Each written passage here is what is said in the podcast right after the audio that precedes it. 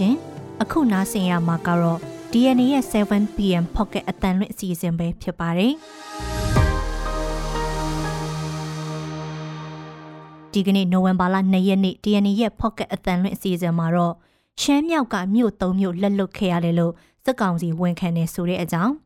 တပရင်မှာစစ်ကောင်စီလက်နက်ကြီးကြောင့်တအူးတေဆုံးပြီးခလေးတအူးအပါအဝင်နှစ်ဦးစိုးရိမ်ရတယ်ဆိုတဲ့အကြောင်း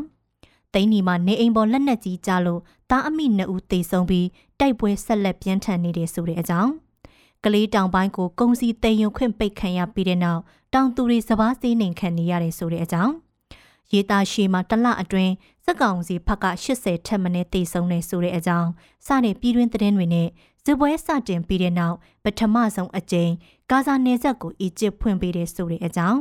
စစ်မြေပြင်ထောက်လှမ်းရေးမစ်ရှင်တွေအတွက် အားကိုးနေရတဲ့ယူရိန်းပြည်တွင်းဖြစ် drone ဆိုတဲ့အကြောင်းစတဲ့နိုင်ငံတကာသတင်းတွေကိုနားဆင်ရမှာပါရှင်။ပြည်တွင်းသတင်းတွေကိုတော့ကျွန်မနန်းခမ်းနဲ့ကိုမောင်သိန်းကတင်ဆက်ပေးမှာပါ။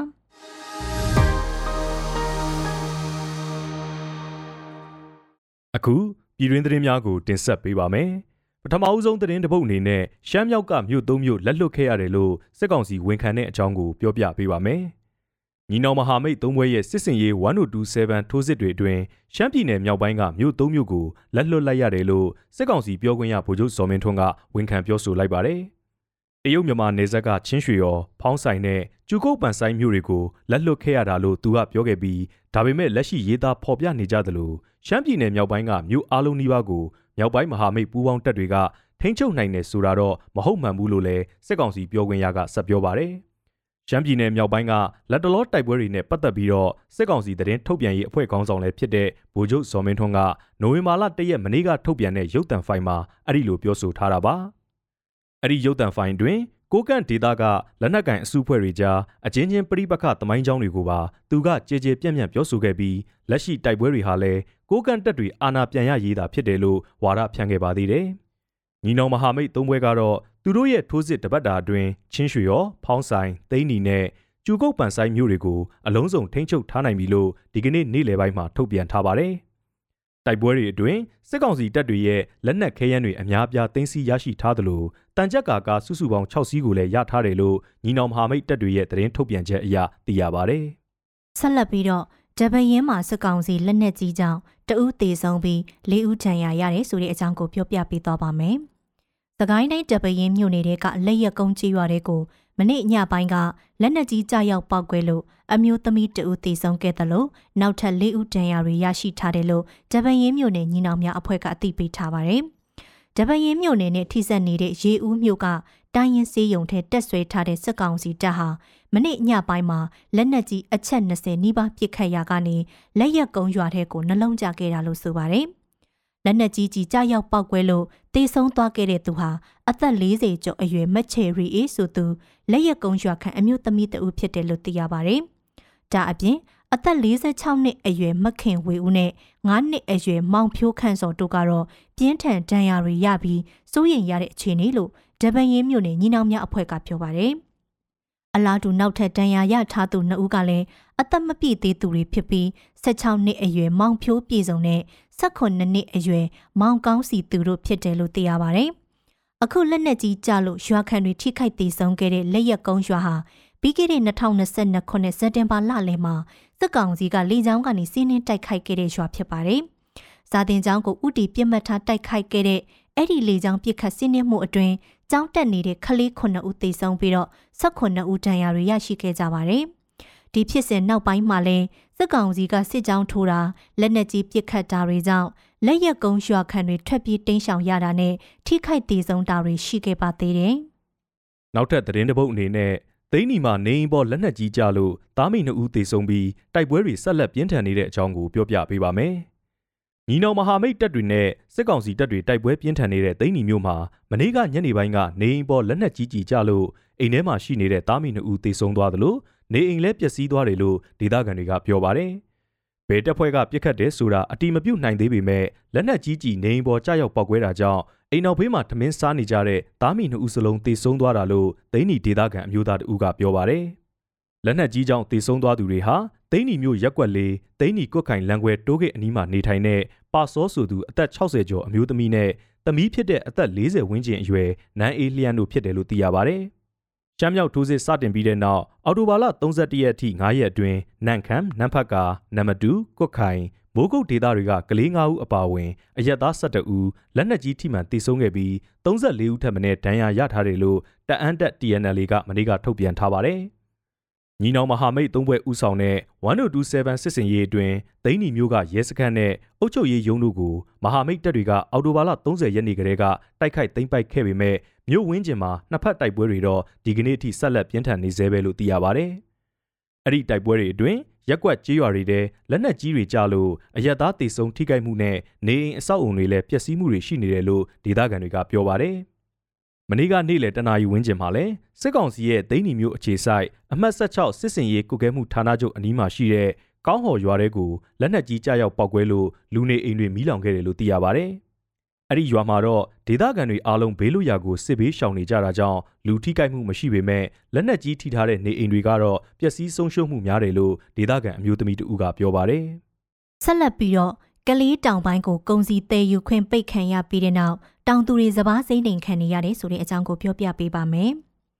သကိုင်းတိုင်းကလေးမြို့နယ်တောင်ပိုင်းကရွာတွေဖက်ကိုစားနပ်ရိတ်ခါအပါအဝင်ကုံစီတဲယူခွင့်နေစစ်တပ်ကပိတ်ပင်ခဲ့ပြီးတဲ့နောက်မှာတော့စပားစည်းတွေနှိမ်ခံနေရတယ်လို့ဒေသခံတောင်သူတွေက DNA ကိုပြောပါတယ်။စစ်ကောင်စီတပ်ကကလေးတောင်ပိုင်းကိုအော်တိုဘာလ15ရက်နေ့ကစပြီးတော့ကုန်ပစ္စည်းတည်ယူခွင့်ပိတ်ပင်ထားတာပါ။ဒီလိုပိတ်ဆို့ခံထားရပြီးတဲ့နောက်ဈေးကွက်ပေါက်စီတသိန်းကျပ်တထောင်ခွဲလောက်ရှိတဲ့စင်းဒုက္ခစဘာတသိန်းကိုကုန်စည်ပွဲစားတွေက ကျပ်12000တာပေးကြတယ်လို့ဆိုပါတယ်။ကလေးတောင်ပိုင်းဒေသခံတောင်သူတွေဟာစဘာရိတ်ခတအေကကိုတသိန်း2000ကျပ်မြေစီအိတ်တအိတ်ကိုတသိန်းအထိပေးဝယ်နေရတယ်လို့ကောက်ဆိုင်ခထွန်ရက်ခတွေပါစီးတက်နေချိန်မှာစဘာစီးအနေခံရတဲ့အတွက်အရှုံးပေါ်နေကြပြီးတော့အများစုကတော့ထုံမယောင်းကြဘူးလို့သိရပါတယ်။ လက်တလုံးငွေကြေးလိုအပ်ချက်အရမယောင်းလို့မဖြစ်တဲ့တောင်သူတွေကသာစပားထုတ်ရောင်းနေကြပြီးတော့တောင်သူအများစုကတော့စပားစည်းပုံမှန်ရဖို့ကိုစောင့်ဆိုင်နေကြတယ်လို့ဆိုပါတယ်။တောင်သူလက်သမားအခွင့်အရေးကာကွယ်ရေးနဲ့အကျိုးစီးပွားမြင့်တင်ရေးဥဆောင်အဖွဲ့ကမိုးစပားအခြေခံရည်ညွှန်းစိတ်အဖြစ်တင်းတရာကိုခုနှစ်သိန်းခွဲကျပ်ဆိုပြီးသတ်မှတ်ကြောင်းအောက်တိုဘာလ10ရက်ကထုတ်ပြန်ခဲ့ပေမဲ့ပြင်ပပေါက်စည်းနဲ့ကွာဟချက်အများအပြားရှိနေပါတယ်။ ကလေးတောင်ပိုင်းနယ်တွေကိုသတင်းကြိုကာလအောက်တိုဘာလ28ရက်ကနေ30ရက်နေ့အထိစစ်ကောင်စီလုံခြုံရေးတပ်ဖွဲ့တွေက3ရက်လမ်းဖွင့်ပေးခဲ့ပြီးမြဲလက်ရှိအချိန်မှာတော့ပြန်လည်ပိတ်ဆို့ထားတယ်လို့လည်းဒေသခံတွေကပြောပြကြပါဗျ။ဒီလိုပိတ်ဆို့ထားတာဟာကလေးနယ်တောင်ပိုင်းနဲ့ထိစပ်နေတဲ့မကွေးတိုင်းရောဒေသကပြူစောထီရွာတွေကိုတော်လန်ရေးတပ်တွေကပိတ်ဆို့ထားတဲ့အပေါ်ပြန်လဲတုံ့ပြန်တာလို့ဒေသခံတွေနဲ့တော်လန်ရေးအင်အားစုတွေကယူဆနေကြပါတယ်။နောက်ဆုံးသတင်းတပုတ်အနေနဲ့ ရေတာရှည်မှာတလအတွင်းစစ်ကောင်စီဘက်က80ထက်မနည်းတေဆုံးတဲ့အကြောင်းကိုပြောပြပေးပါမယ်။ပဲခူးတိုင်းရေတာရှည်မြို့နယ်အတွင်းမှာပြီးခဲ့တဲ့အော်တိုဘာလကတိုက်ပွဲဆက်တဲ့ကြိမ်ဖြစ်ခဲ့ရမှာစစ်ကောင်စီဘက်က80ထက်မနည်းတေဆုံးပြီး30ကျော်ဒဏ်ရာရတယ်လို့အမျိုးသားညီညွတ်ရေးအစိုးရ NUG ကာကွယ်ရေးဝန်ကြီးဌာနကထုတ်ပြန်ထားပါတယ်။ရေတာရှည်မြို့နယ်အတွင်းအခြေစိုက်လှုပ်ရှားတဲ့ပြည်သူ့ကာကွယ်ရေးတပ်မတော် PDF ပဝါနီစစ်ကြောင်းပူးပေါင်းတပ်ဖွဲ့တွေနဲ့စစ်ကောင်စီတပ်တွေကြားတိုက်ပွဲတွေဖြစ်ခဲ့တာလို့ဆိုပါတယ်။ အဲ့ဒီတိုက်ပွဲတွေအတွင်းစစ်ကောင်စီဘက်ကတေဆုံးသူတွေထဲမှာစစ်ကြောင်းမှု2ဦးလည်းပါဝင်တယ်လို့ NUG ကာကွယ်ရေးဝန်ကြီးဌာနထုတ်ပြန်ချက်မှာဖော်ပြထားပါတယ်။ဒေါ်လန်ရေးပူပေါင်းတပ်တွေဘက်ကတော့2ဦးကြာဆုံးပြီး4ဦးဒဏ်ရာရခဲ့တယ်လို့ဆိုပါတယ်။တိုက်ပွဲတွေအတွင်းစစ်ကောင်စီရဲ့ RPG နဲ့60မမဘုံဒီစတဲ့လက်နက်ခဲယမ်းတွေလည်းတင်စီရရှိခဲ့တယ်လို့လည်းဖော်ပြထားပါတယ်။ နှစ်ဖက်တိုက်ပွဲတွေမှာစစ်ကောင်စီကလေရင်နဲ့လက်နက်ကြီးအုံပြုတိုက်ခိုက်မှုတွေကြောင့်အရက်သားတဦးသေဆုံးကနေအိမ်နှလုံးပျက်စီးခဲ့တယ်လို့လူဦးရေ950ကျော်စစ်ရှောင်ခဲ့ရတယ်လို့သိရပါဗျ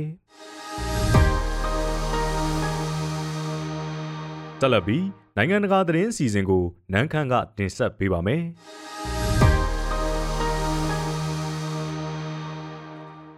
အစ္စရေးဟာမတ်စစ်ပွဲစတင်ပြီးနောက်ပိုင်းပထမဆုံးအကြိမ်အဖြစ်အီဂျစ်က ဂါဇာကမ်းမြောင်နဲ့ဆက်ဆက်နေတဲ့နေဆက်ဂိတ်ကိုပထမဆုံးအကြိမ်ဖွင့်ပေးလိုက်ပါတယ်။နိုဝင်ဘာ၁ရက်ကရာဖာနေဆက်ဂိတ်ကိုဖွင့်ခဲ့တဲ့နောက်အပြင်းအထန်ဒဏ်ရာရထားတဲ့ပါလက်စတိုင်းအရက်သားတွေနဲ့ဂါဇာမှာပိတ်မိနေတဲ့နိုင်ငံခြားသားတွေကိုစီစစ်ပြီးအီဂျစ်ဘက်ကိုဝင်ရောက်ခွင့်ပြုခဲ့ပါတယ်။ဂါဇာတောင်ပိုင်းနဲ့ဆက်ဆက်နေတဲ့ရာဖာနယ်စပ်ဂိတ်ကိုလာမယ့်ရက်ပိုင်းမှာအကန့်အသတ်နဲ့ဆက်ဖွင့်ထားမယ်လို့အီဂျစ်အစိုးရကအတည်ပြုပါတယ်။အမေရိကန်က ဂါဇာမှာပိတ်မိနေတဲ့နိုင်ငံခြားသားတွေအပြင်းအထန်ဒဏ်ရာရထားတဲ့အရက်သားတွေကိုရွှေ့ပြောင်းနိုင်ရေးအတွက်အီဂျစ်နဲ့အစ္စရေးတို့ကိုအတိကတွန်းအားပေးညှိနှိုင်းပေးနိုင်ခဲ့တယ်လို့ပြောပါတယ်။အောက်တိုဘာလ9ရက်က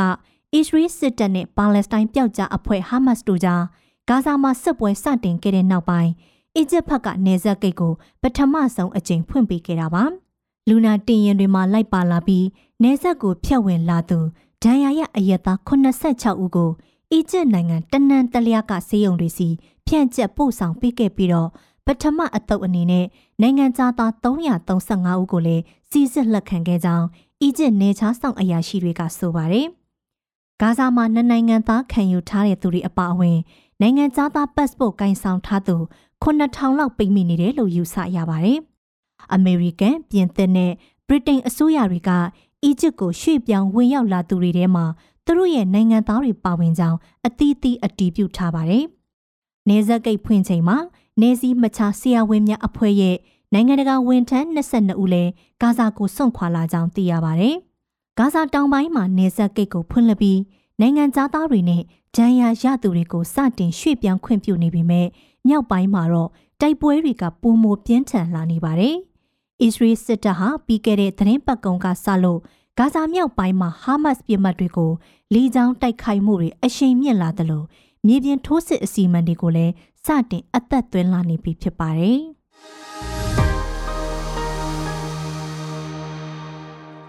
ယူကရိန်းမှာပြည်တွင်းဖြစ်တိစောက်ပြီးငမန်ရှက်လို့နာမည်ပေးထားတဲ့ drone လေးတစ်မျိုးဟာမြေပြင်တပ်ဖွဲ့တွေအတွက်အရန်ထိရောက်တဲ့ထောက်လန်းရေးကရိယာတစ်ခုဖြစ်လာနေပါတယ်။ရှက်ဟာမြေမျက်နှာပြင်အထက်2ကီလိုမီတာအမြင့်လောက်မှာ ပြန်တန်းရေးမြေပြင်ပေါ်ကရန်သူတပ်တွေရဲ့လှုပ်ရှားမှုနဲ့အခင်းအကျင်းတွေကိုတူတူတိတ်တိတ်ထောက်လန်းနိုင်တယ်လို့ drone ကိုတာဝန်ယူမောင်းနှင်သူ pilot တူဖြစ်တဲ့ဆိုလိုင်ယာကရှင်းပြပါဗျ။ drone ကိုထိန်းချုပ်တဲ့ van ကားထဲမှာတော့စခရင်တွေနဲ့အဝေးထိန်းစနစ်တွေစက်ကရိယာတွေအများအပြားစုံစုံလင်လင်တက်ဆင်ထားတာကိုတွေ့ရပါတယ်။ရှက်ဟာယူကရိန်းရဲ့ခါကိဗ်ဒေသအနောက်မြောက်ပိုင်းမှာရန်သူရေဒါစနစ်တစ်ခုကိုထောက်လန်းပြီး မြေပြင်ကယူကရိန်းအထူးတိုက်ခိုက်ရေးတပ်ဖွဲ့ဝင်တွေစီကိုအချက်အလက်တွေကိုအောင်အောင်မြင်မြင်ပေးပို့ခဲ့ပါတယ်။ရှက်မှာအရန်အားကောင်းတဲ့ကင်မရာတွေနဲ့တခြားစပိုင်ကိရိယာတွေကိုတပ်ဆင်ထားပါတယ်။ရှက်ဟာရုရှားရဲ့ကျူးကျော်စစ်စတင်ခဲ့တဲ့နောက်ပိုင်းယူကရိန်းကအင်တိုက်အားတိုက်အကောင့်အထည်ဖော်လာတဲ့ drone နည်းပညာမြင့်တင်ရေးအားထုတ်မှုတွေရဲ့အသီးအပွင့်တစ်ခုလို့လည်းဆိုနိုင်ပါတယ်။လက်တွေ့စမ်းသပ်ပြန်တမ်းမှုတစ်ခုမှာရှက်ခါရန်သူ drone နောက်ဆက်ရေးစနစ်တွေကြောင့် ကင်မရာတွေအလုံမလုံတော့တာ10မိနစ်နီးပါးလောက်ကြုံခဲ့ပူပေမဲ့အဲ့ဒီနောက်ပိုင်းမှာပုံမှန်ပြန်အလုပ်လုပ်တာကိုတွေ့ရပါတယ်။ရုရှားမှာအရေးအတွက်အရန်များတဲ့ drone တပ်ဖွဲ့မျိုးပိုင်ဆိုင်ထားပြီး electronic နောက်ဆက်မှုစနစ်တွေနဲ့တခြားအဆင့်မြင့်နည်းပညာတွေလည်းပိုင်ဆိုင်ထားပါတယ်။အဲဒီလိုစိန်ခေါ်မှုကြီးမားတဲ့အခြေအနေမျိုးမှာရှက်ဟာယူကရိန်းရဲ့ပြည်တွင်းဖြစ် drone တစ်စီးအနေနဲ့အတော်လေးကိုထိရောက်တဲ့ mission တွေဆောင်ရွက်နေနိုင်တာဖြစ်တယ်လို့ဆိုလိုက်ရကပြောပါတယ်။ ပြည်တွင်းဖြစ် drone တွေနဲ့ထောက်လန်းရေး mission တွေပြန်တန်းစီတဲ့အခါမှာသူ့ရဲ့အားသာချက်ကတော့ထိခိုက်ပျက်စီးမှုချွတ်ယွင်းမှုတွေရှိလာခဲ့ရင်ပြည်ပကအပိုပစ္စည်းတွေကိုစောင့်စရာမလိုပဲခက်မြန်မြန်ပြင်ဆင်ပြီးတော့စစ်ပွဲမှာပြန်လည်အသုံးပြုနိုင်ခြင်းဖြစ်ပါတယ်။ရှက်ဟာထုတ်လုပ်မှုတန်ဖိုးအနေနဲ့တစည်းကိုဒေါ်လာ9000လောက်ကျတင်ပြီးလက်ရှိမှာတော့တာဝေးပြန်တန်းနိုင်စွမ်းကိုမြင့်တင်ဖို့အဆင့်မြင့်မွမ်းမံမှုတွေလှုပ်ဆောင်နေကြောင်းသိရပါတယ်။